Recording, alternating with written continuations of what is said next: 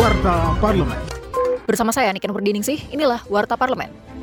Wakil Ketua Komisi 4 DPR RI, Anggia Ermarini, meminta Kementerian Pertanian menyiapkan solusi menghadapi El Nino. Hal tersebut bertujuan agar produktivitas petani tidak menurun akibat cuaca panas berkepanjangan dan kekeringan yang diperkirakan terjadi hingga bulan Oktober. Menurutnya harus ada terobosan penyediaan sumber-sumber air bagi para petani. Politisi fraksi PKB ini menambahkan, Kementerian Pertanian bisa membantu mempersiapkan pompa air untuk mengairi ladang petani.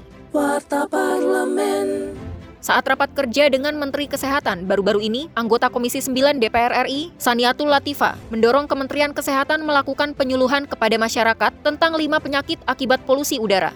Nah, untuk memantau kualitas udara, tadi disampaikan oleh Pak Menteri telah melengkapi puskesmas yang ada di Jabodetabek dengan uh, alat monitoring yang dapat mendeteksi kadar PM2,5 tadi secara real time. Nah, setelah dipantau secara real time, apakah dilakukan penyuluhan kepada masyarakat tentang lima penyakit ya Pak ya? Tadi lima penyakit uh, yang diakibatkan oleh polusi udara kepada masyarakat. Karena tanpa adanya penyuluhan, tanpa adanya pencegahan, tentu ini tidak akan bisa diwujudkan untuk pencegahan atau penurunan resiko dampak kesehatan tadi.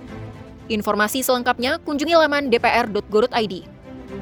Menanggapi polusi udara di wilayah Jabodetabek yang telah masuk ke tingkat berbahaya, anggota Komisi 9 DPR RI, Rahmat Handoyo, mendorong pemerintah melalui Kementerian Kesehatan melakukan edukasi kepada masyarakat terkait dampak buruk polusi udara. Menurutnya, edukasi penggunaan masker penting dilakukan sehingga potensi-potensi terjadinya penyakit saluran pernafasan bisa diminimalisasi. Politisi fraksi PDI Perjuangan ini juga mendorong pemerintah segera mencari solusi menanggulangi polusi udara.